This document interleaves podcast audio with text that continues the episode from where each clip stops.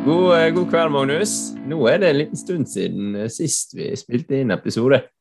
Det er en stund siden, og, og, det var det første jeg tenkte jeg skulle si. At siden vi spilte inn episode sist, så har jo verden mer eller mindre gått til helvete. Ja, det har skjedd uh, sykt mye. Vi er jo tilbake i den kalde krigen. Hadia Tajik har gjort noe kriminelt. Ja, Giske koser ja, sikkert. Det gjør han helt sikkert, men tenk på det at uh, sist gang vi pratet sammen og lagde podkast, så var det ikke krig i Europa. Nå er det krig i Europa. Ja, det, det er helt sinnssykt å tenke på. At uh, vi har en, uh, en madman i Putin som Det er jo bare trist òg. Det er jo Det er jo det er rett, hva er det du som bergenser ville sagt? Det er skamtrist. Men på den annen side så gir det jo et greit bakteppe fordi vi skal snakke om noe som i veldig stor grad involverer skurkete russere, da.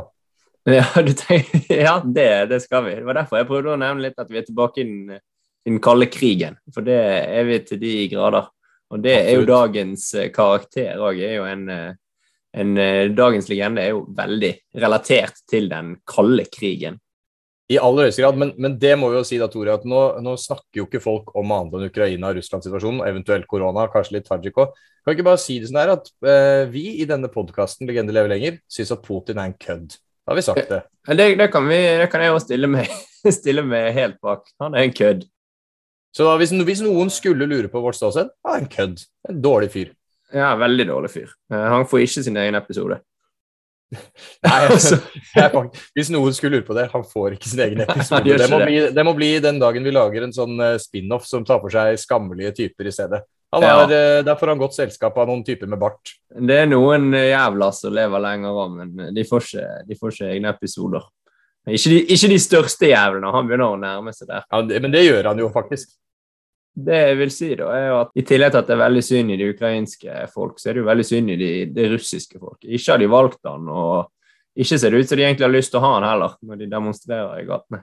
Ja, jeg tenker jo at Selv om vi kanskje kan si at demonstrasjonene virker små, så mener jeg at de må jo være store til Russland å være. Det at såpass mange er, eh, eller uttrykker misnøye og uttrykker en uh, motstand til den krigen, det, det, krever mer av eh, den gjengse russer å gå og gjøre det enn det gjør av deg og meg å gjøre det her i Norge. Det tror jeg de fleste vet. Så all ære til dem. Det er ingen tvil. Og, så, og siden vi i dag skriver uh, eh, 7. mars, har du fått med deg dagens deilige nyheter for oss som er lærere og historikere? Er det kvinnedagen i morgen? Nei, nei er fort, vi er fortsatt i Russland. Putin har bestemt seg for å endre pensum. Og det er jo interessant ja. i seg selv. Ingenting er som å vri på historien og bare endre den til uh, sin fordel. Så det som er gøy når du og jeg som uh, utdannede historikere og lærere sitter og prater her, så er det jo det at vi må bygge på en form for kilder. Og da er det jo ingenting som er deiligere enn at du bare kan vri dem akkurat slik du vil. Godt jobbet, Vladimir. Ja, nå, nå gjør han uh... Nei, han er, han er, jo bare bak mål på alt. Men du, jeg ville jo også endret historien om jeg skulle om jeg hadde oppført meg sånn som han. Det er jo så jævlig at du må jo skrive om på det.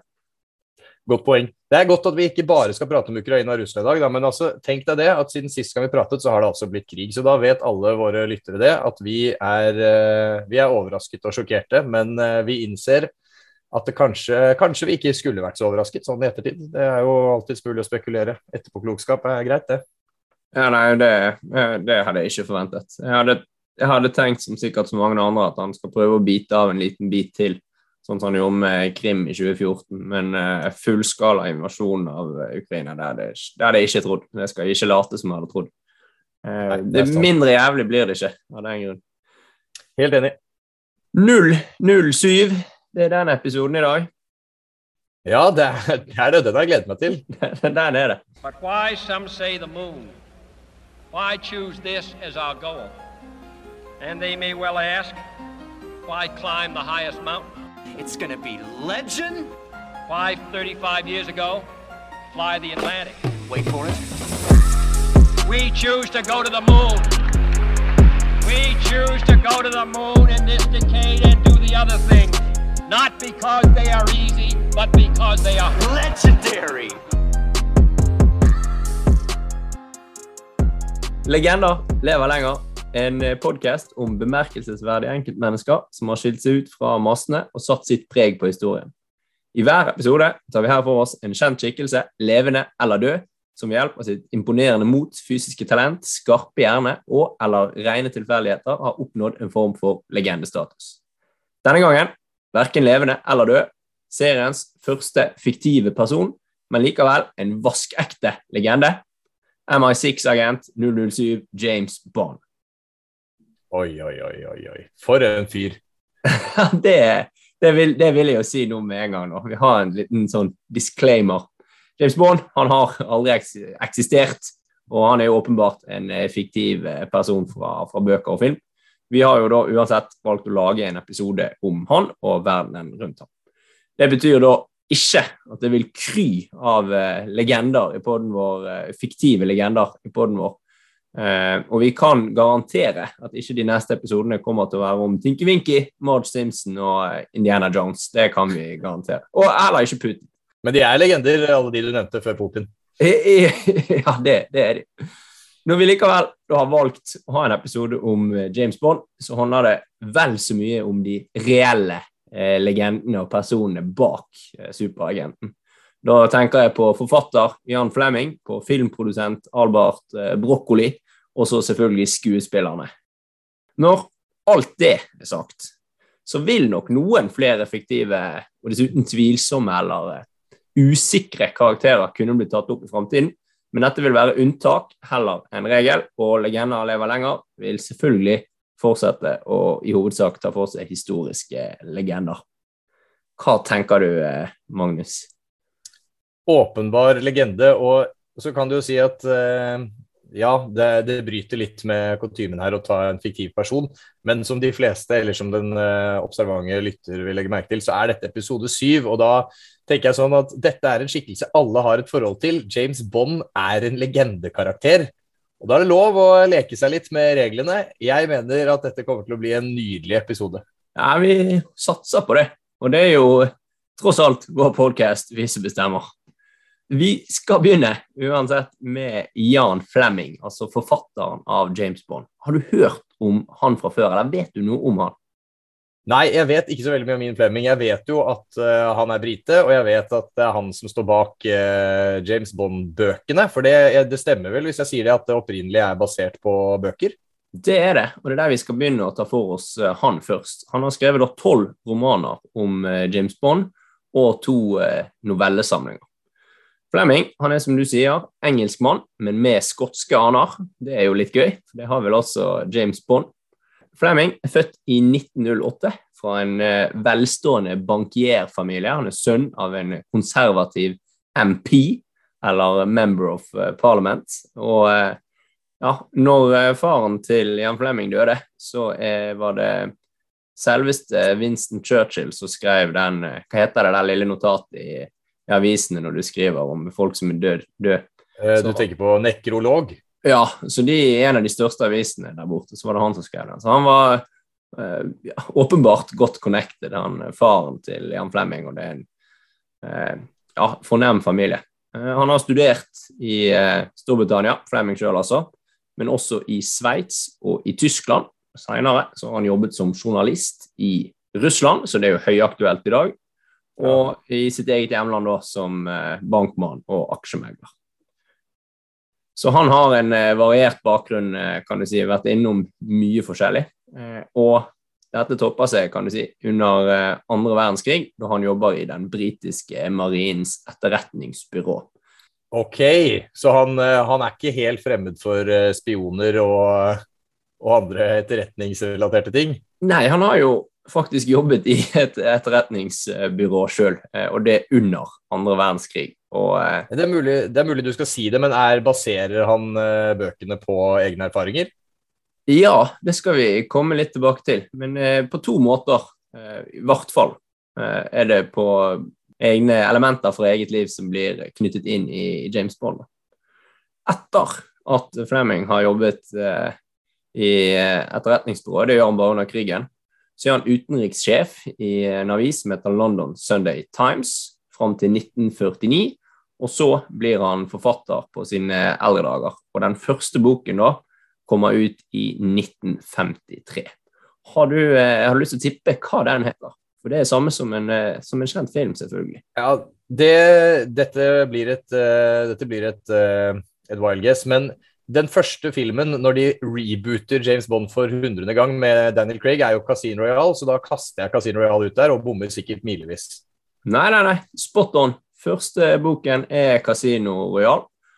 Og mye av skrivingen både til denne og til de fleste andre bøkene, det foregår eh, på Jamaica, der Flemming har en luksusresidens som han er, er på hver vinter. Og får du et nytt eh, spørsmål her, så det får jo lytterne også tenke seg om. Hvilke, hvilke altså for dette Navnet han gir til den luksusresidensen, er senere brukt på en ny film. Har du eh, lyst til å tippe der òg? Altså, han, han, gir denne villaen et navn, mm. og navnet finnes i en James Bond-film? Ja, jeg er faktisk navnet på en, eh, nok en kjent James Bond-film. Ja, Da sliter jeg mer, men uh, hvis det skal være en ting da, eller en gjenstand, kan det være Nei, hva er det? Kaller han den Skyfall? Nei, det, det var, jeg syns det var et veldig godt tipp. Jeg, jeg, jeg, jeg ville vil jo synes det vært veldig rart om han hadde kalt den Octopussy eller Thunderball, f.eks. ja, det er det. Men jeg skulle ønske det var Octopussy. Men det er Golden Eye. Ja, ok. Ja, det, selvfølgelig. Det burde jeg vel kanskje ha tippet. Så det er jo litt gøy her når de har gått tom for bøker å basere filmene på, så har de liksom, trekker de inn sånn som det, for da får du navnet på, på den filmen. Jeg er tatt fra det han sjøl brukte på, på vinterresidensen sin. Eh, det som er det er James Bond i dag, er jo en av verdens eh, Altså, han er et ikon og en, en klisjéfigur uten like, tør jeg påstå. Ja, det holder jeg med deg i. Det er så klisjé. Eh, altså, dette er Playboy-helten som reiser verden rundt, kler seg i de fineste og dyreste klærne, kjører de råeste bilene, ligger med selvfølgelig de deiligste damene. Eh, han redder verden, og det er de ekleste superskurkene eh, han tar. Og i filmene i tillegg da, så er alt dette her med et glimt i øyet, med leken arroganse. Det jeg vil påstå, da, det at dette her var ikke klisjé på 50-tallet.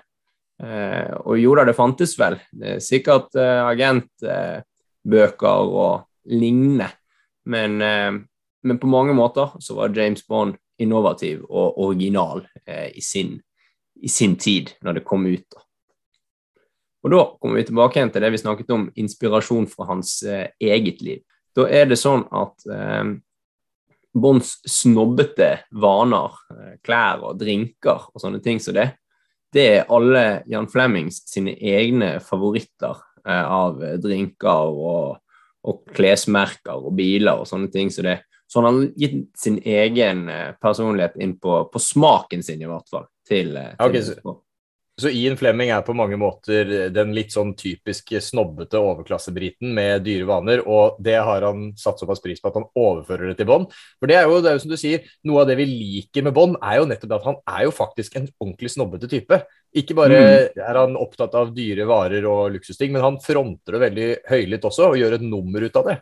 Ja, helt, eh, helt tydelig, og det var et, grep som eh, Jan Flemming eh, benyttet bevisst da, for å bringe realisme til, eh, til, eh, bøkene sine. Og det er jo mange bøker i dag, så ser du at det nevnes merker og alt mulig sånt, men det nå skal jeg ikke si at det er 100 sikkert, for jeg har ikke lest all litteratur før 1950. Men han var tidlig inne med å bruke liksom, merkebetegnelser og skildringer på den måten.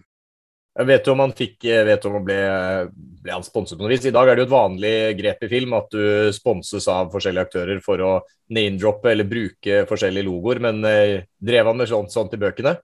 Det, han name-dropper mye eh, merker og logoer, holder jeg på å si, men, eh, men, om han ble sponset, det tror jeg egentlig ikke. Det, det har jeg i hvert fall aldri fått med meg. Jeg vet at filmene hans Fantastisk for de merkene, da.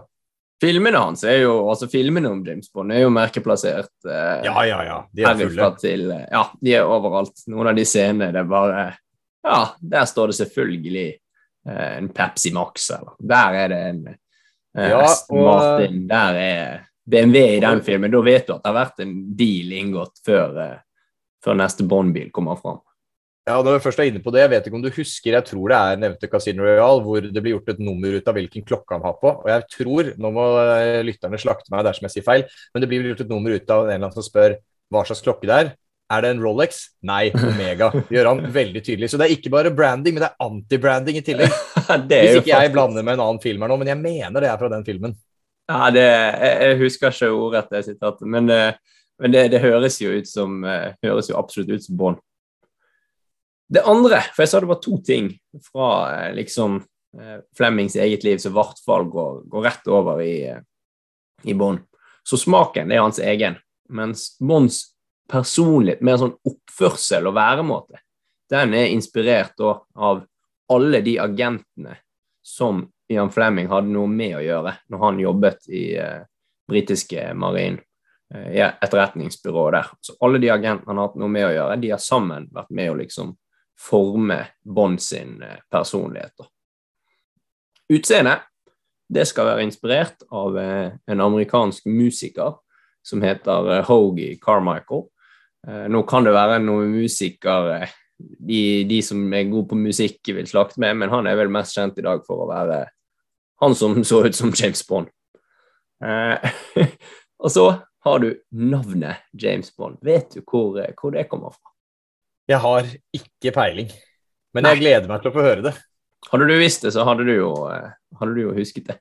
For det er en gøy historie. Det er, det er tatt faktisk fra en eh, ektemann som het uh, James Bond. Det var en fugleforsker.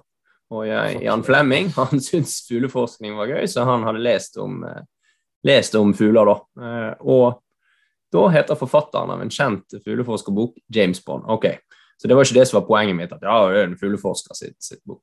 Men Jan Flemming han skulle prøve å finne det kjedeligste navnet han kunne finne. Og Det var da han tok eh, øynene til denne fugleboken og syntes at James Bond det var så dølt at det, det skulle hans helt eh, hete. da. Og Det gir også da et, kan du si, et hint om hvem Bond er for Flemming sjøl.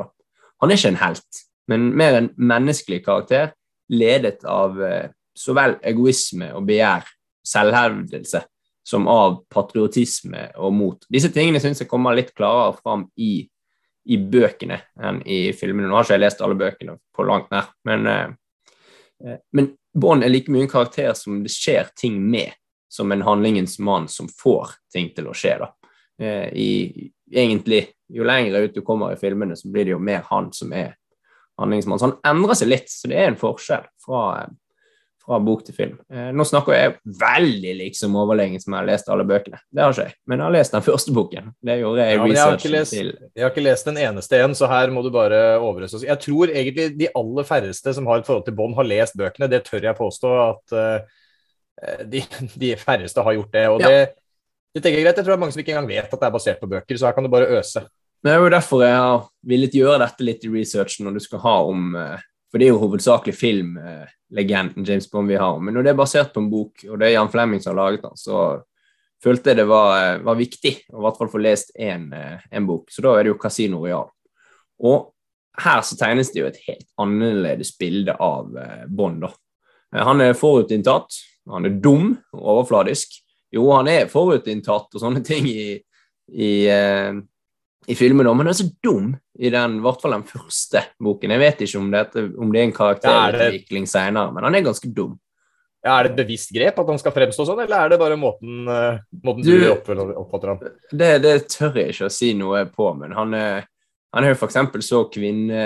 Altså, han, han syns jo virkelig ingenting om kvinner, da. Det gjør han kanskje ikke i alle filmene heller, men han er Nei, vi må komme tilbake til akkurat det der, for det er et interessant aspekt ved Bonds utvikling. Men det kan det vi skal vi komme tilbake til. Men altså, jeg, jeg, fikk jo litt, egentlig litt sjokk når jeg, når jeg leste den boken her. Det er jo eh, Den kan jo minne mye om filmen, men Casino Royal-filmen får Bond til å virke veldig mye kulere enn Casino Royal-boken, selv om det er langt på vei samme historien. Han er dum og fladisk. Han taper. I boken da, så er det et spill som heter Baccaré, og ikke poker. Eh, og Han lar seg lure av eh, Bond-piken, det gjør han ved begge plasser. for juling av eh, skurkene. Og han får virkelig juling. Det er liksom ikke noe sånn at han kommer og redder dagen-opplegg i boken. her. det er bare flaks som gjør at ikke han drepes av sovjetiske agenter. Og de sier rett ut til han at hadde vi fått ordre om det, så hadde vi drept deg, men det gidder vi ikke, for vi gjør bare det vi har fått ordre om. Men de torturerer han timevis, både han og ballene hans. Ja, for det var det jeg måtte spørre deg om akkurat det. For Casino Royale er for meg en av de mest ikoniske James Bond-filmene, og en, personlig en av mine favoritt-James Bond-filmer. Og det handler vel så mye om det jeg mener må være en av de mest effektive torturscenene jeg noensinne har sett på film. Det er ikke blod, det er ikke kutting av lemmer, det er ingen sånne dramatiske ting. Det er bare primalt og ubehagelig. Er den eh, veldig, veldig kjente ballepiskescenen også i boken? Yes. Ja. Det er han. Så den eh, Faktisk har filmen fått eh, veldig mye skryt for å være en av de filmene som er tettest opp mot eh, boken, da. Eh, og da er det jo For eksempel så er jo Bakkaré byttet ut med poker, og eh, Casino, jeg vel flyttet til eh, Nå husker jeg ikke hvor det er i boken, men i filmen er det i Montenegro, og det er ikke, ikke der i, i boken. Og det er jo etter den kalde krigen er over, filmen. Så i boken så er det jo veldig liksom kald krig hele veien, og uh, connections mot Sovjet. Mm. Det er jo ikke på samme måten i, i, filmen. Men den største enkeltforskjellen er kanskje romansen med Vesper uh, i, i, i, filmen og boken her. For i filmen så er jo den drevet av humor, veldig sånn likevekt mellom partene. Men i, i, boken så er Bonds hva skal du si, fascinasjon av Vespa, den er heller tvilsom. Eh, hun er ikke noe kul eller morsom på noe selvs vis. Hun er digg. Hun blir beskrevet som pen mange ganger, og Bond har lyst til å ligge med henne. Men han har også litt sånn, litt sånn ekkelt, hele det òg. Fordi at han tennes bl.a. av at sexen med, med Vesper inneholder spor av overgrep, eller ordrett, rett fra boken. Så dette er ikke jeg, dette er ikke jeg som finner på. Uh, the conquest of her body because of the central privacy in her, would have the sweet tang of rape. Så hva, hva, hva skal man si til det? Dette er sitat fra første boken. Så, ja, ok, fordi, fordi Bond har jo, Dette har jo blitt diskutert spesielt mye i det siste, at Bond alltid har vært portrettert som en kvinnebedårer. Og flytter vi Bond ut av tidligere filmer og inn i dagens samfunn, er han jo på mange måter en overgriper. Men her er det jo, her er det jo svart på hvitt, bokstavelig talt. Han, han tenner jo på det. Han tenner på det. Han syns det er fett med litt sånn, litt sånn motstand. Uh, så Nei, og det òg er jo med på, i hvert fall for meg, når jeg leser boken i, i 2022. Og da blir ikke Bond så utrolig kul når han da i tillegg er, er jækla dum. Uh, han taper i det der kortspillet sitt. Han blir reddet av uh, CIA-gutten. Uh, han lar seg lure av damen, selv om det, det, er veldig åpenbart at hun prøver å lure han. at han blir lurt inn i i noe tull her. Han får juling av skurkene i timevis, og på det mest nedverdigende viset. Og så blir han bare egentlig reddet av uh, eh, CIA på slutten, og så uh, og MI6, da. Og så er han liksom likevel overlegen og hoven, og han tenner på basically på overgrep. Så han står, står ikke som noen fet fyr i, i boken. da. Men når det er sagt, så er det absolutt en fascinerende bok. Eh, jeg, jeg, jeg, anbefaler den, for den er jo, som James Bond, den er jo stappfull av action. Eh, kald krig og spiondrama. Og det er til og med noen dype dialoger. Eh, fordi at Bond han sammenligner seg sjøl med den sovjetiske fienden og finner ubehagelig mange likhetstrekk. Og det er en okay. filosofisk bånd du ikke alltid får i, i filmene. da. For de har kanskje ikke tid til de Eh, de dragene der.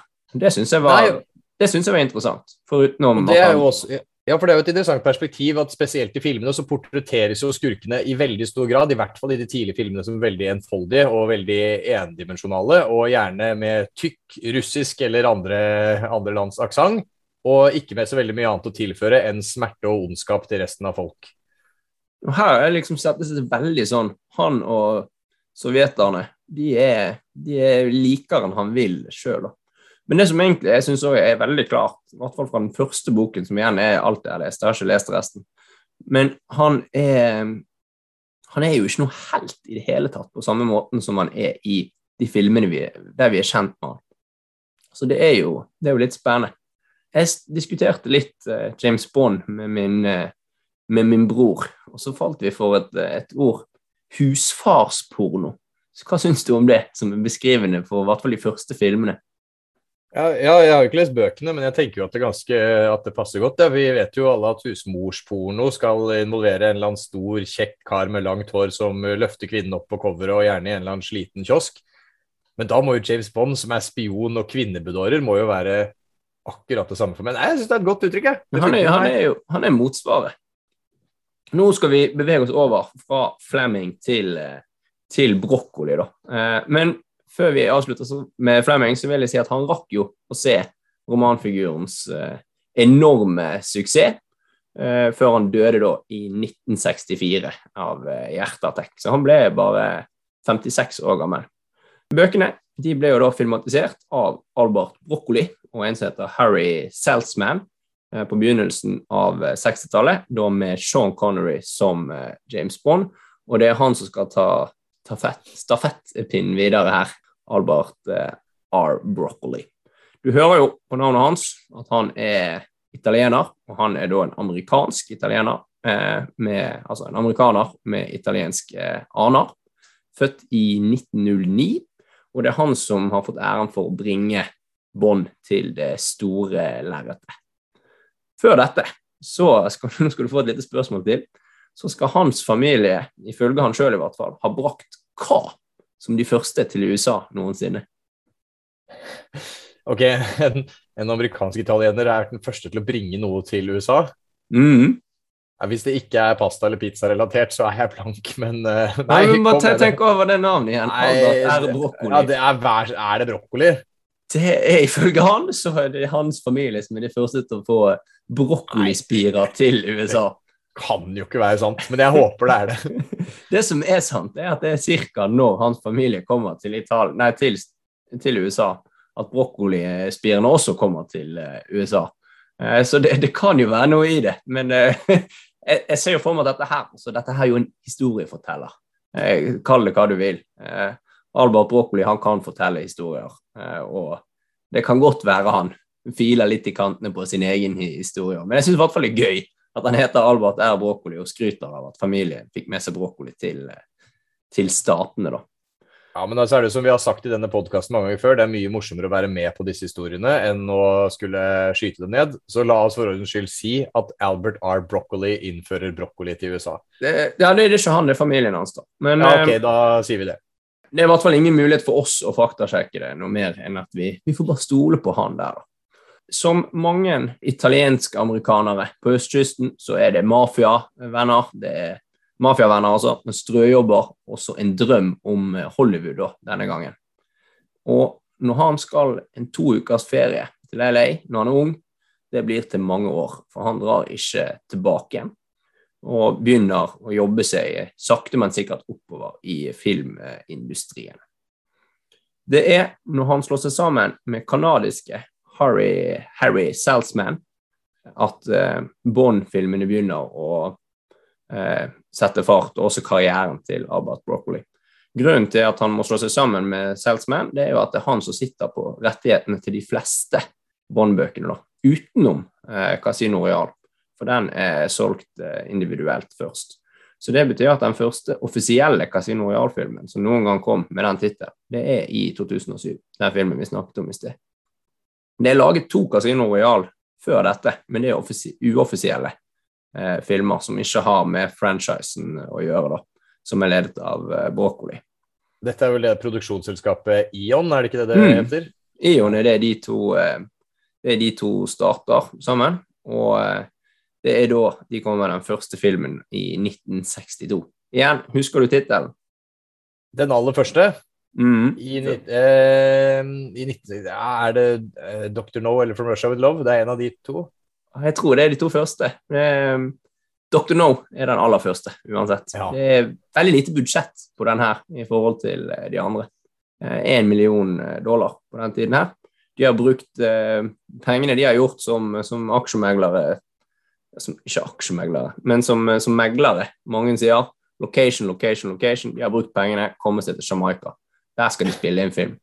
Eh, De har ikke råd til noen stor og dyr skuespiller, så de tar en eh, veldig ukjent kar som heter eh, Sean Connery til å spille, til å spille hovedrollen her. Den første filmen her, den rekker jo Ian Fleming å se. Han er Han syns filmen er veldig god, han er fornøyd med resultatet. Men han er egentlig ikke noe fan av Sean Connery, bare så det er sagt. En, en, en karakter, Sean Connery i seg sjøl, som vi skal snakke mer om. Broccoli han kjøper ut Salesman i 1975, og da har de laget ni filmer sammen. Det betyr at Broccoli sjøl alene har ansvaret for de neste syv filmene fram til 1989. Det er da han dør en plass mellom 1989 og 1995. Og da er det hans datter og stesønn som har hatt kontroll over de ni siste filmene. Du nevnte jo 'From Russia With Love'. Jeg mener 'Goldfinger' òg er, er, veldig tidlig. Og disse filmene de gjør eh, enorm eh, suksess. Både kommersielt, men òg blant, blant eh, kritikere. Og med suksessen da, så øker jo selvfølgelig budsjettene. Og Broccoli sin målsetning det hele veien å skape en helt som aldri går av moten. Jeg har prøvd å finne ut liksom hva som er slagplanen hans eh, for å få fram disse filmene.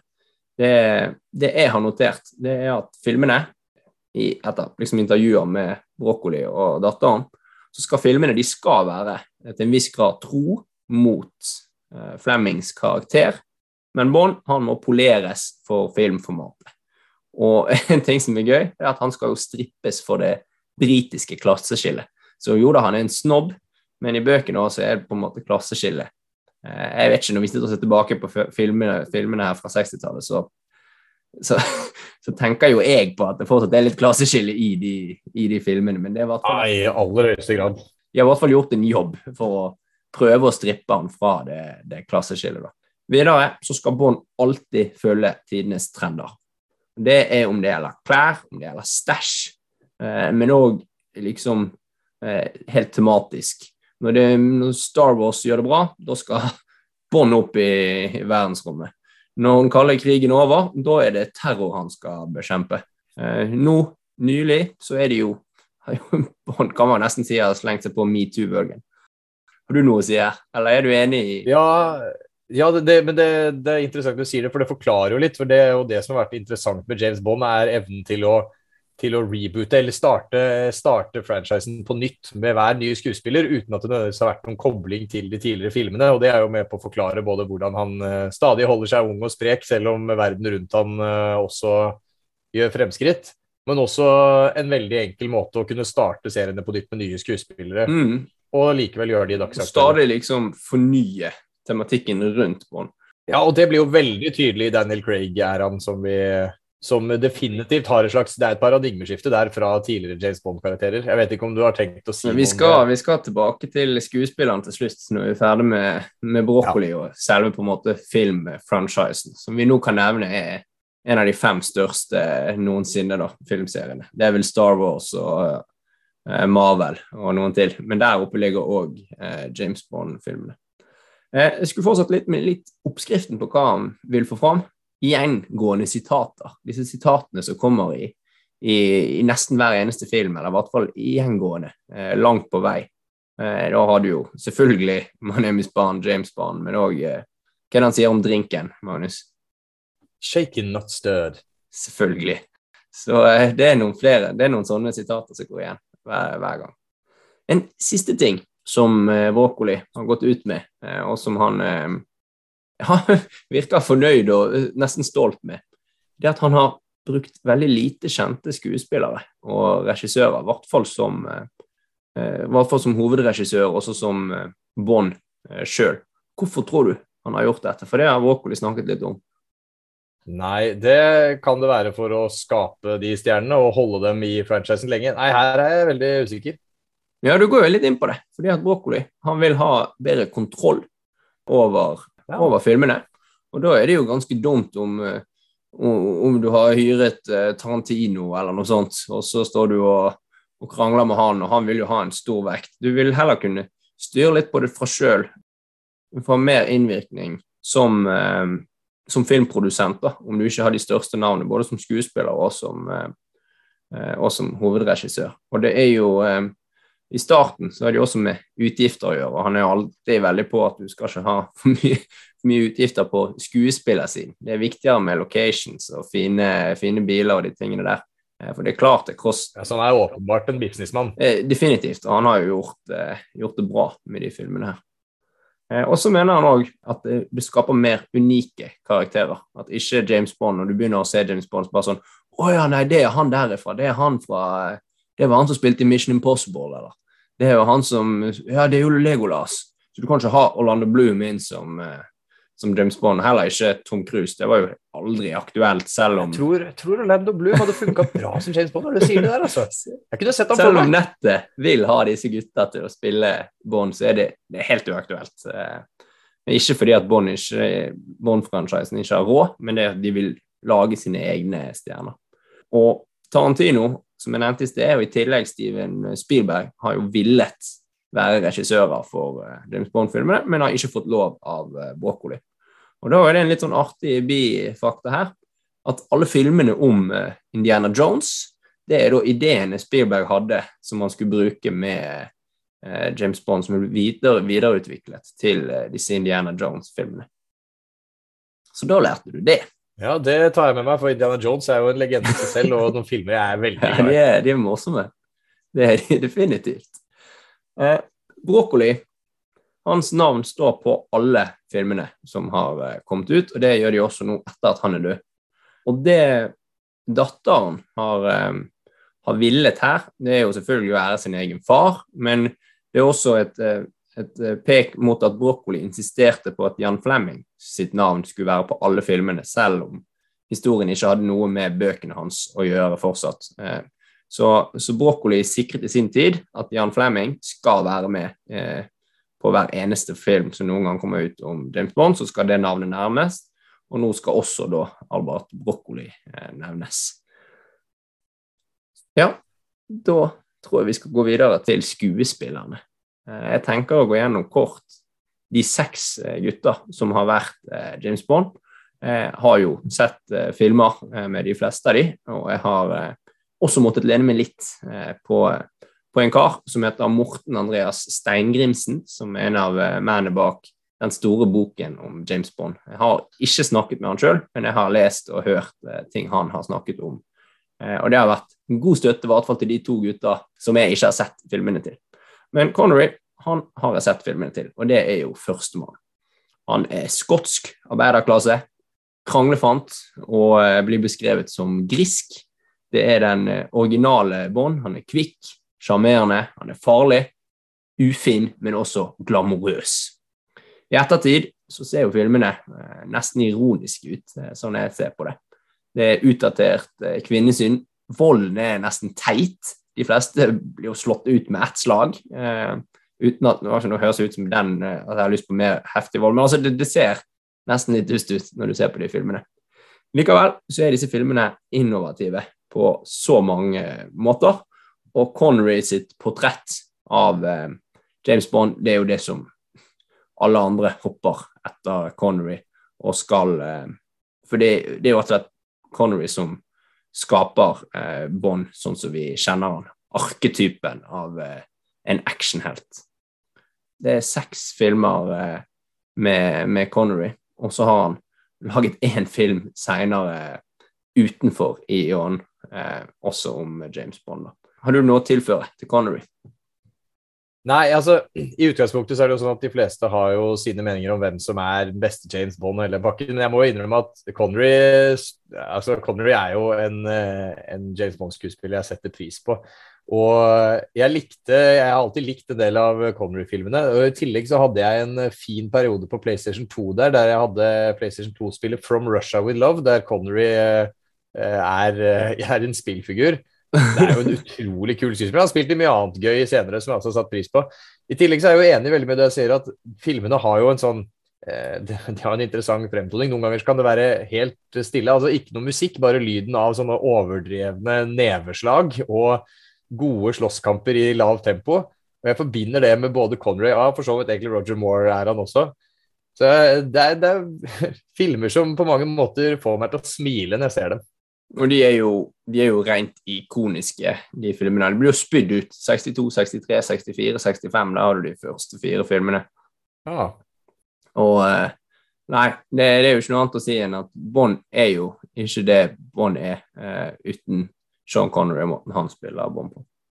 Ja, og så er det for det er noe med at han tilfører en slags sjarm der. For Bond har jo i alle filmer så har han jo disse jeg vet ikke om vi skal kalle det svakhetene, men karaktertrekkene. At han drikker og spiller og harver over damer i hopetall. Men Connery har liksom også dette glimtet i øyet. Det er en del lun humor i disse filmene som får deg til å synes han er litt sånn ja, litt god og snill, samtidig som mye av det han gjør, sånn eh, rent eh, bokstavelig, er ganske fæle ting. Ja, men du, han, altså, han tar jo livet av folk i hopetall også i filmene. men du, du heier på eh, Connery når Ja, han er James. Bond. Og det merket jeg når jeg leste den boken. så var det ikke sånn, Jeg heiet jo ikke på han der eh, dusten av en Bond i den, den første boken, men når du ser de filmene, så heier du på ham. Det er gliser han, så det er liksom en sånn Det, det, er, det er glimt i øyet. Jeg er enig.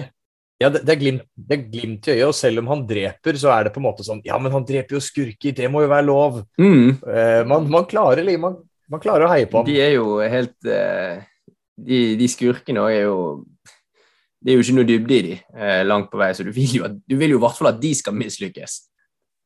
Ja, ja, ja. Og dessuten så, så dreper han jo på kommando. Dette er jo tross alt jobben hans. Han er jo, han er jo på jobb for, eh, for dronningen, og da er det, da er det et par drap som hører hører sånn hører det med. Det er sånn det.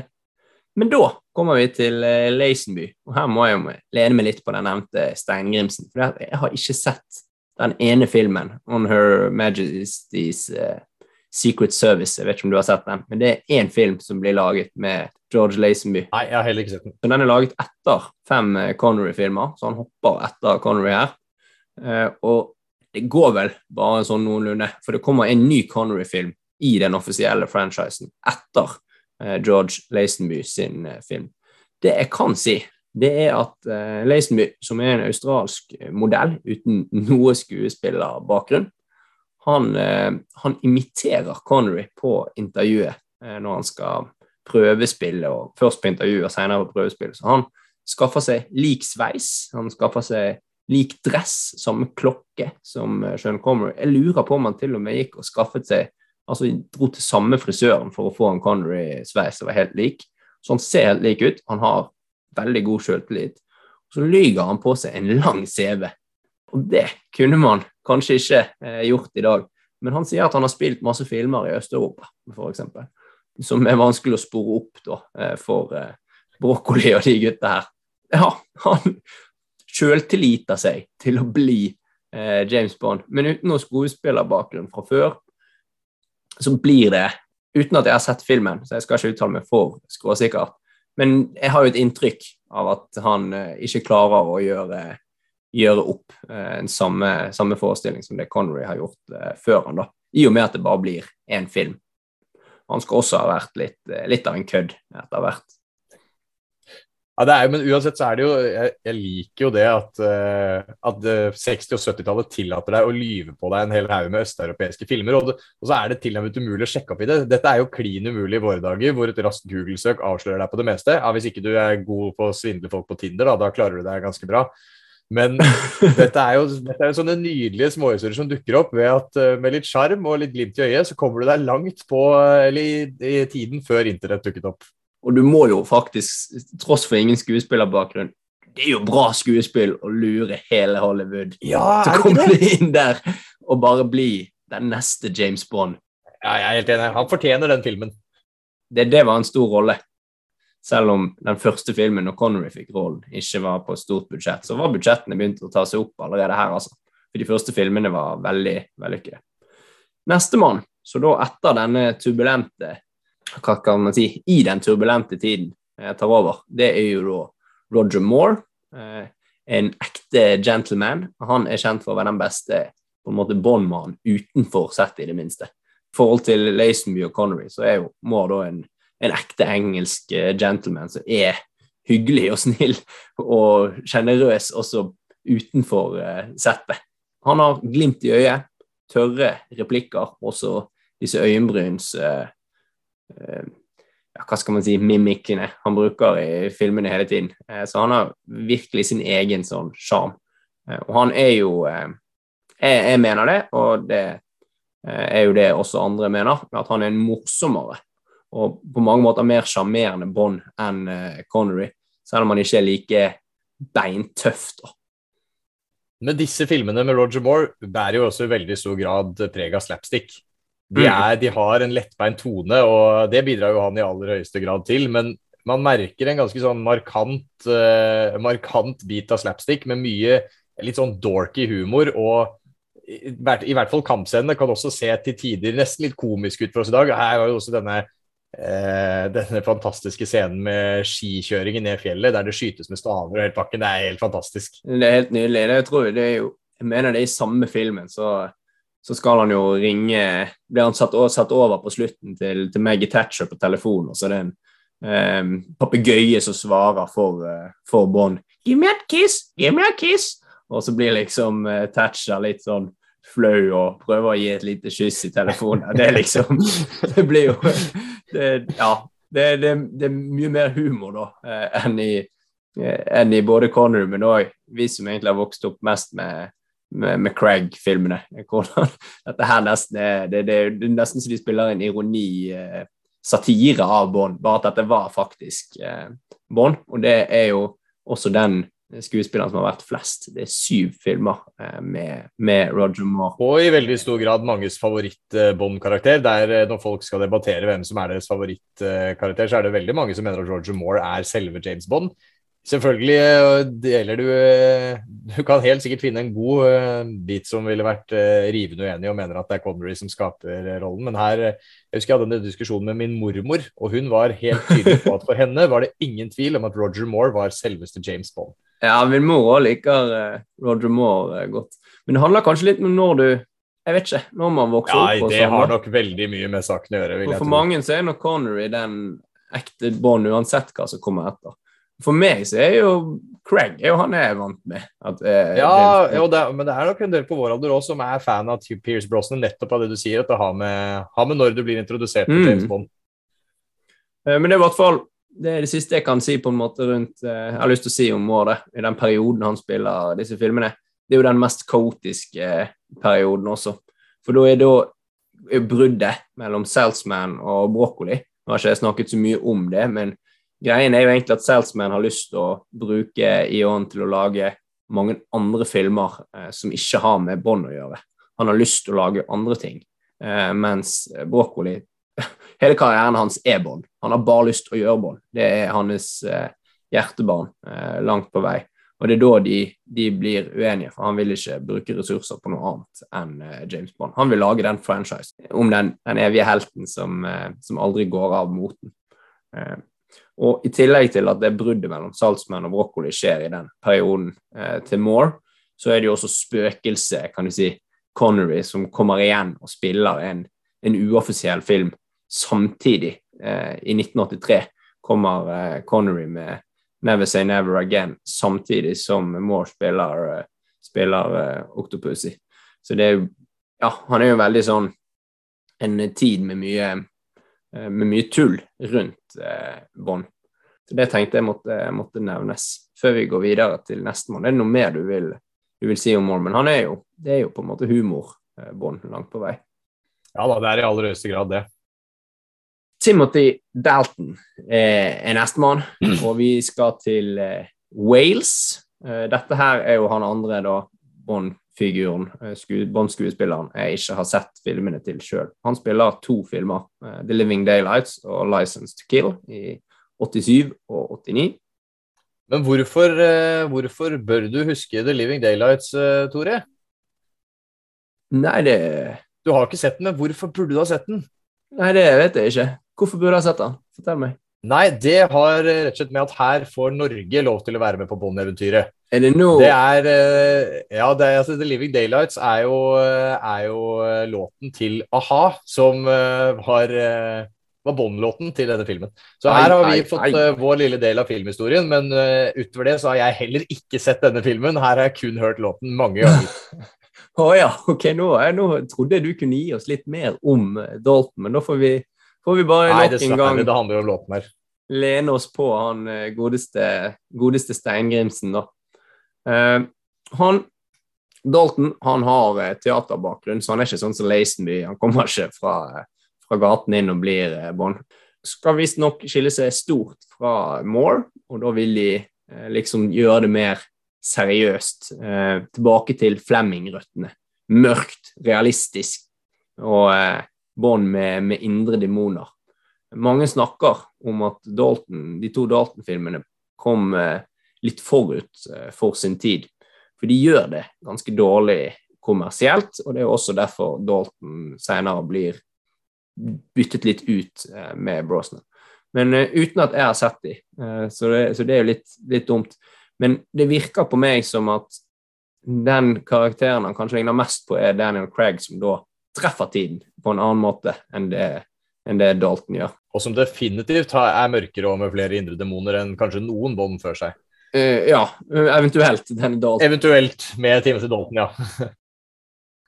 men Brosnan, Pierce Brosnan, han har ikke like mange indre demoner. Og han er jo da den første bånd etter den kalde krigens slutt. Han er irsk, så det er jo litt, det er jo litt moro her. Eh, Connery er skotsk, Laismy er australsk, Moore er engelskmann. Dalton, waliser, eh, Brosnan irre, og Craig har vel skaffet seg et amerikansk statsborgerskap. Nå er jo egentlig både Craig og, og Dalton også engelskmenn, da. Selv om de har walisisk og amerikansk hva kan du si, tilhørighet i tillegg. Mm. Men jo, tilbake igjen til Brosten Brosnan. Jeg syns bare det var litt gøy at de seks har eh, Hvis du vil, så kan du sortere dem på seks forskjellige nasjonaliteter. Ja, den holder for meg. Det er jo da eh, Brosnan som skal føre Bond inn i en ny tid. Eh, kalde krigen over, og han får seg tysk bil. Det er helt utenkelig for de tidligere Bondene å kjøre med en tysk bil. Får de kritikk for det valget? Nei, jeg tror de de får mye skryt av det. Og ja. en ting de får enda mer, mer skryt av, det er jo at uh, M, denne sjefen ja. til James Bond, er en kvinne i uh, Brosnan-filmen. Og det er jo den samme M som går igjen i, i Craig, uh, de første Craig-filmene. Ja, du tenker på legendariske Judy Dench? Ja, det er vel det hun heter.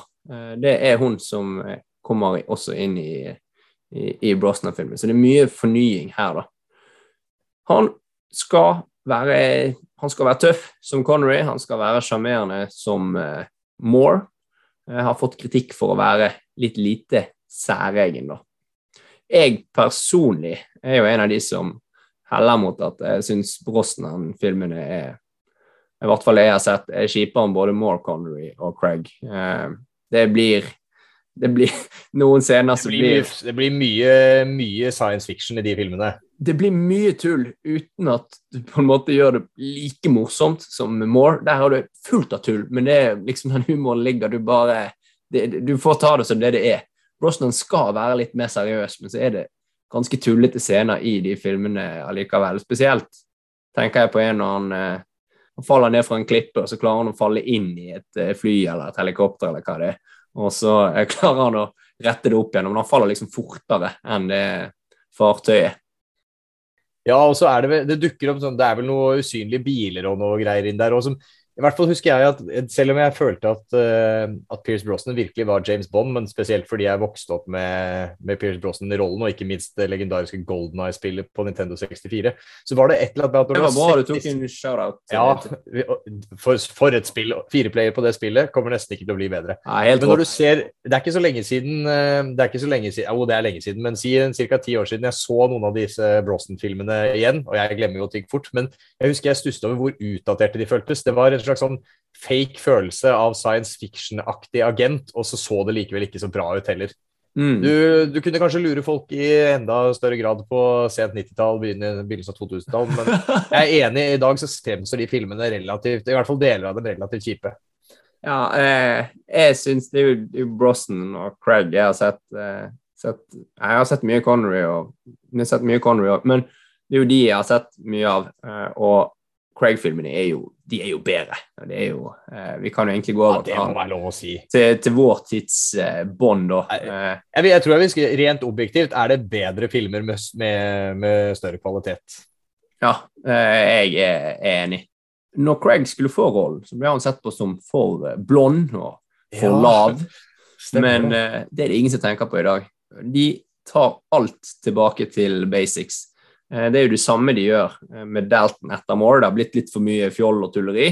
Da de tar de tilbake til en mørkere, grimmere bånd. Det samme de gjør nå med Craig, og du kan vel si at det lykkes eh, mer i og med at Craig Craig-filmene er bedre enn Brosnan-filmene.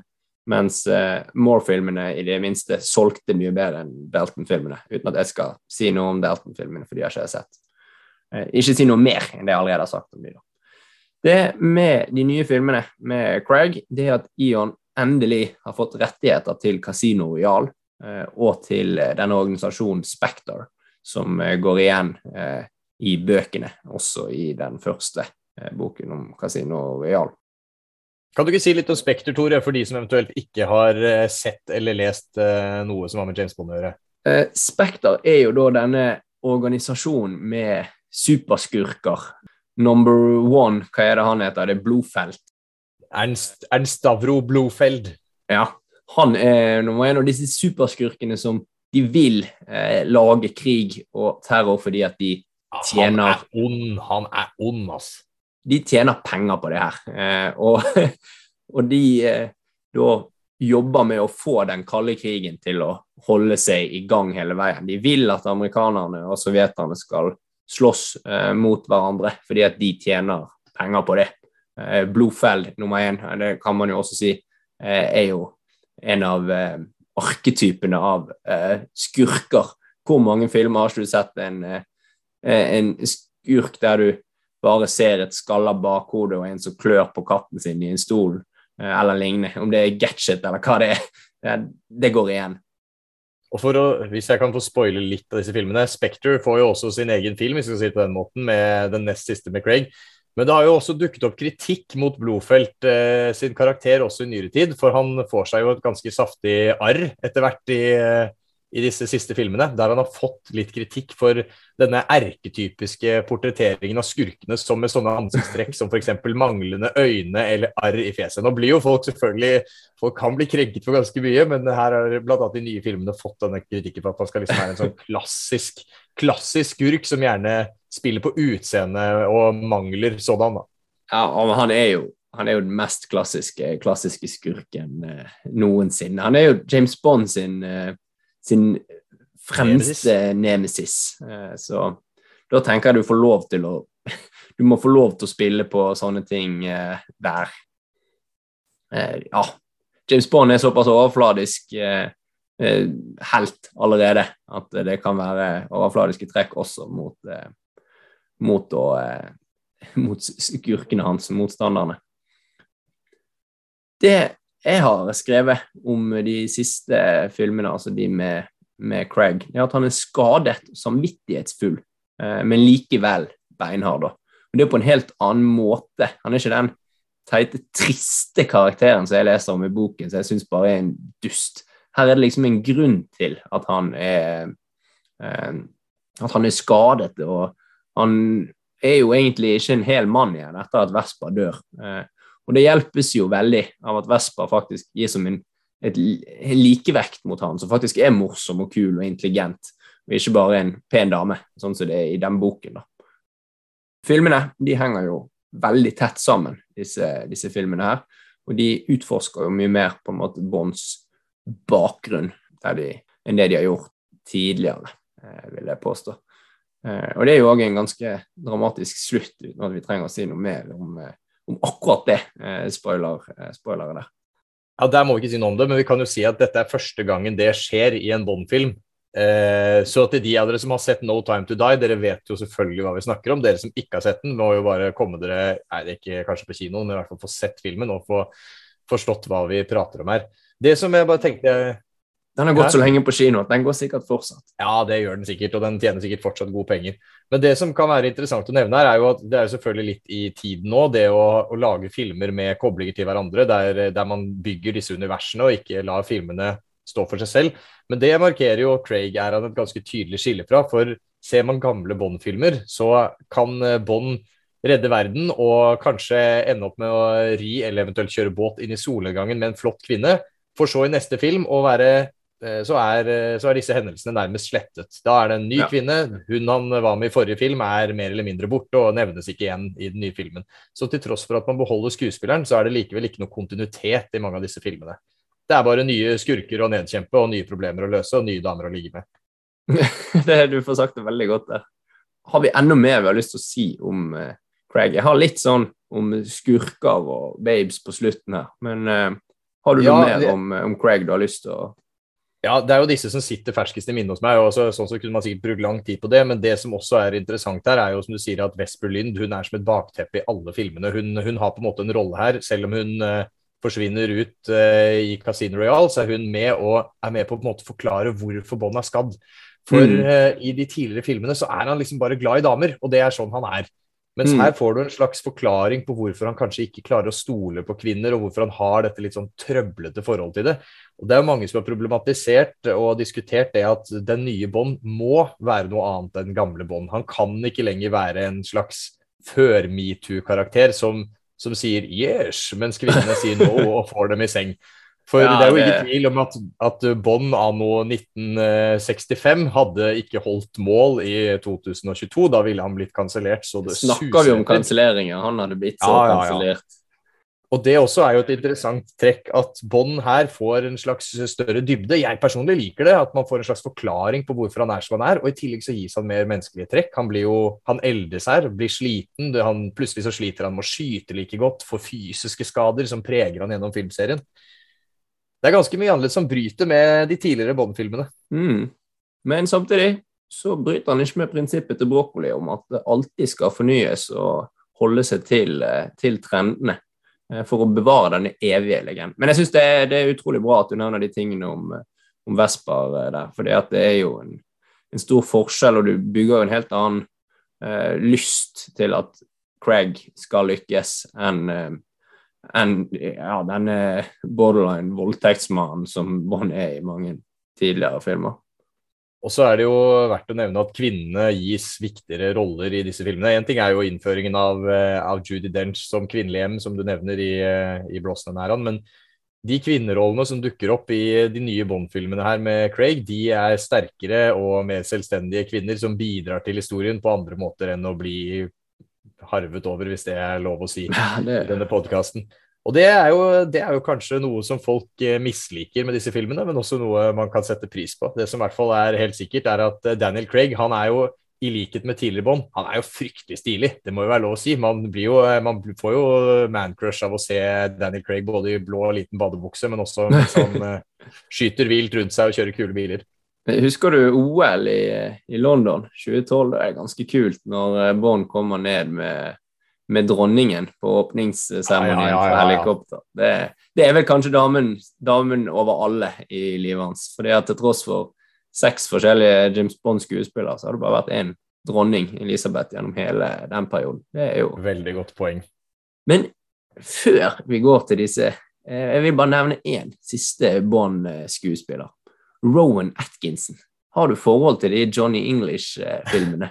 Nei, jeg har et større forhold til Mr. Bean enn jeg har til Johnny English. Jeg må innrømme det, men det er vel åpenbare James Bond-parodier, er det ikke det? Jo, det er åpenbare Bond-parodier, og jeg vil bare egentlig anbefale dem som eh, komedier. Eh, fordi at de er, de er morsomme. Mannen bak Mr. Bean er rå som eh, James Bond, og det er vel en eh, Det nærmeste av Bond-filmene må være kanskje Moore, som er litt ironisk sjøl, men, eh, men eh, Mr. Bean, eller Atkinson, tar det selvfølgelig til et eh, nytt nivå. Så de er verdt å se om du er glad i, i Bond og Bean, da.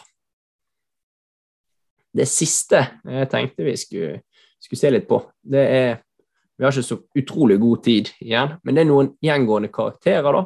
Det er M som er sjefen hans. Jeg vil ikke si så mye mer enn det. Det er Q som lager, eh, eh, lager utstyret. Eh, biler med utskytbart sete og, og diverse. Ja, han er, vel en, han er vel quartermaster, er det ikke det Q-en står for?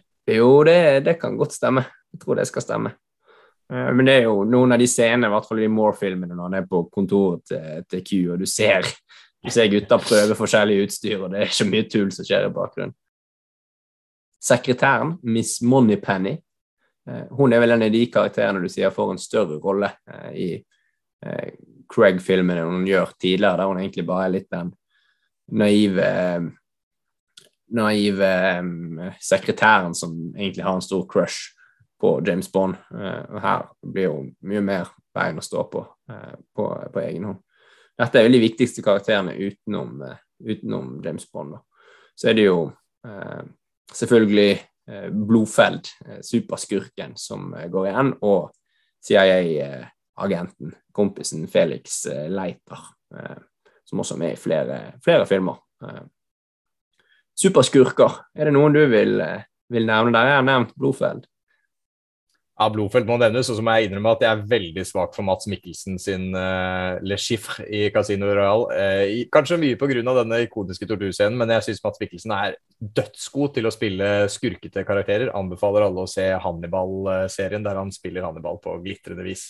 Ja, absolutt. Og selvfølgelig, se, har dere ikke sett Casino Royal, så bare gjør det. Uh, Oddjob vil jeg nevne. Han, Ja. bare, bare det, det navnet der er sånn typisk Bond-navn. En fantastisk kar. Eh, sterk. Jeg tror, de, jeg tror han Oddjob har vunnet noen mesterskaper, om det er bryting eller eh, hva det er, eh, på ekte. Så det er en utrolig sterk kar. Eh, og han knuser jo da en golfball i, i hånden med neven, og det, det er Og så er, han, så er han jo fryktelig god til å kaste bowlerhatten sin. Ja, han er alvorlig god til å kaste den. eh, til det å kaste liten, den han.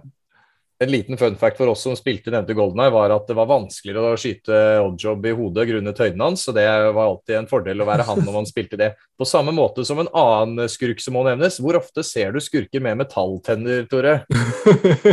det er nå i hvert fall en veldig en fra, fra Bond. Er det Ja, han heter? Jaws? Jaws, ja. Han, han må jo nevnes. Det er i hvert fall, jeg har til dags dato ikke sett skurker med metalltenner senere, men eh, det er mulig at det er en del rappere i dag som lar seg inspirere. Det, det er det nok. Men det, nei, de er- de, de, de er gode. Eh, Vi kan nevne Goldfinger, Scaramanga, altså det er flere som, som kan nevnes her. Eh, Jeg er jo personlig litt eh, eh, ambivalent forhold til han Raoul Silva i eh, Ja, i den eh, Craig-serien sin. Han åpenbart skal være en slags ond eh, utgave av Julian Assange. Eh, så eh, nei, det, der også er du skurkene når eh, går liksom framover med, med trendene i samfunnet. Bånd piker. Der kan vi jo bare nevne noen navn utenom eh, Vesper. Vi har Honey Rider, vi har Melina Havelock, vi har Se Senia Anatop, og selvfølgelig den mest legendariske Pussy Galore. Lesben som Bond eh, begynner å kline med uten at hun vil, og som på slutten av litt klining plutselig blir med og blir omvendt av, eh, av Bond sjøl. Så det er kanskje det, kanskje det tydeligste eksempelet på at uh, James Bond uh, har hatt godt av en liten metoo-runde. Ja, det, vi, vi, får bare, vi får bare nevne det uh, i tillegg. Har du noe Bond-pike-favoritt? Eh, Aspa er for min del, fordi at hun har eh, den personligheten som går igjen. Men eh, Nei, du, du nevner mange fine her. Jeg, har, eh, jeg må innrømme at akkurat Bond-pikene har jeg vel ikke noen favoritt blant. Men eh, jeg må jo bare si at navnene er jo verdt, det er jo verdt episoder i seg selv. De er jo helt fantastiske. Ja, det er sinnssyke navn. OK, da kunne vi jo snakket om artister og sanger. Det er mange legendariske eh, Bond, eh, Jeg har ikke så mye på det, men eh, jeg er svak for den Adele-sangen i hvert fall. Men eh, sjekk ut Ja, det, er, det er jo interessant at du skal nevne den, da, Tore. For jeg har jo, jeg har jo trommet sammen en liten topp tre-liste. Når det er snakk om James Bond, så kan vi ikke ha noen bunn tre, tenkte jeg nå. Så jeg har rett og slett ja, jeg har kommet med det som rett og slett er en høyst subjektiv mine topp tre favoritt-James Bond-låter. Og som de fleste som er glad i musikk vet, når du blir spurt om hva som er din favorittmusikk, enten det er låter eller artister, så kan det variere ut ifra sinnsstemning, årstid og hva enn eh, ellers. Så den er kun basert på hva jeg ville svart i dag. Det kan godt hende at jeg ville svart noe annet om eh, en ukes tid. Men på tredjeplass så har jeg nevnte Adeles låt 'Skyfall'. For det første så satte jeg veldig pris på 'Skyfall' som film. Jeg elsket de nikkene til tidligere James Bond-filmer med, med bl.a. den gamle bilen og katapultseter og hele pakken. I tillegg til at Adele er dritflink. Jeg gidder ikke å si det på en annen måte. Adele er vanvittig flink. Hun er erkebritisk. Hun uh, røyket som en svamp før. Det er veldig mye å like ved Adele, og jeg syns uh, 'Skyfall' er en klassisk god Bond-låt som jeg i tillegg kan få på hjernen når jeg hører den nå. En uh, banger. Nei, jeg er helt, jeg- helt enig, og det er jo da min personlige Bond-favoritt. Ja, det er godt å høre. Eh, I tillegg, ja, det, jeg vil jo tro at denne lista kan jo gjøre en del folk forbanna, men jeg må nå likevel gå på hva jeg selv synes er interessant. Og på nummer to så har jeg altså en eh, låt som jeg faktisk oppdaget i en annen versjon enn i James Bond-versjonen. Vi snakker da selvfølgelig om Live and Let Die av Paul McCartney og bandet hans The Wings. Ble vel skrevet Ja. av han og Linda McCartney, hvis jeg ikke tar helt feil. Men jeg hørte ikke den låten først og fremst som James Bond-låt. Har, du- har du lyst til å gjette hva slags band eller hvilken coverversjon det er jeg har hørt mest av, Tore? Ja, det er nok en eller annen hard uh, rockeversjon av ja, slag. Men jeg vet ikke hvem. Stemmer på en såkalt prikk. Nei, for i 1991 så slipper eh, Guns N' Roses albumet User Illusion 1, som jeg har uh, kjørt varmt på x antall eh, CD-spillere og Discmans uh, som liten. Der har de altså en coverversjon av Live and Let Die som jeg syns var dødskul, og som jeg likte fra første sekund. Og etter hvert så fant jeg altså ut at det var en coverversjon av nevnte eh, Paul McCartney Wings-låt. Men eh, nå når du setter denne Paul McCartney-låten også opp på andreplass, eh, liker du den bedre enn ACDC sin versjon, eller hva tenker du? Har ACDC en versjon av den? Var ikke det du sa, da? Er Guns N' Roses sin, tenker du Guns? N' Roses, beklager. Uff, Ja. nå ble jeg, Ja, nei, nei, hengt. nei. Men eh, Guns Det N' blir, du, Roses, det blir du ikke hengt. Uh, nei, vet du hva, jeg må innrømme at jeg liker Guns N' Roses sin bedre, men det blir jo litt juks å velge den som nummer to her, så jeg må jo da svare Paul McCartney og Wings sin. Men jeg har, sett, jeg har sett Paul McCartney spille den låten live, og jeg syns den er veldig kul i sin originale innpakning. Jeg, jeg vil jo også egentlig bare nevne her hvor fett er det ikke at de har fått eh, De, de sparer på skuespillertalentene, men, men Paul McCartney fra Beatles han skal de ha inn på, eh, på sang. Så, Ja, og det eh, gjelder jo generelt musikken. Det er mye svære artister som eh, har laget låter i musikk der. det er det bare å nevne i fleng, egentlig. Men eh, hvem er nummer én? Ja, vi skal, vi skal til gull. Eh, vi skal til gull. Kanskje den mest ikoniske James Bond-låten noen gang. Det går ikke an å lage en topp tre James Bond-musikkliste uten å ha med denne låten, og da snakker vi selvfølgelig om Goldfinger av Shirley Bassey. For en låt. Det er, det er klassisk, det er strykere. Den fremstår som den ultimate James Bond-låt. Så på topp tre-listen, helt øverst på pallen, så finner vi altså Shirley Bassis Goldfinger. Ikonisk låt. Skulle gjerne sunget noen strofer av den, men jeg sparer alle lytterne for det. Ja, det, det er godt. Men vet du hvilken annen eh, Bond-sang Shirley Bassey også står bak? Nei, der må du lære meg. Diamonds Are Forever. Er det Diamonds Are Forever? Ja, vi snakket jo om den i stad, Tore. Vi gjorde jo det. Det er jo selvfølgelig Shirley Bassey, og den tenker du kanskje på primært fordi den er samplet av eh, en vis rapper? Ja, den er jo samplet av Kanye West og er dritfet, så den ville jeg definitivt hatt på en, eh, på hatt på en topp tre. Vi får Men, ha den på eh, en honorable mention-liste. Vi får gjøre det. Eh, har vi da noe mer vi har lyst til å si om Bond? Helt sikkert masse. Her føler jeg vi har en episode der vi burde hatt eh, både tre og fire og fem episoder, men eh, et eller annet sted må vi stoppe. Ja, det er jo tre eller fire eller fem legender eh, nevnt her, så, så vi får dedisere vår episode til Fleming og Broccoli og Connery og gjengen. Ja, Da får han bli så lang som han blir. ha, takk skal de ha for å ha skapt denne fantastiske karakteren. Jeg elsker James Bond.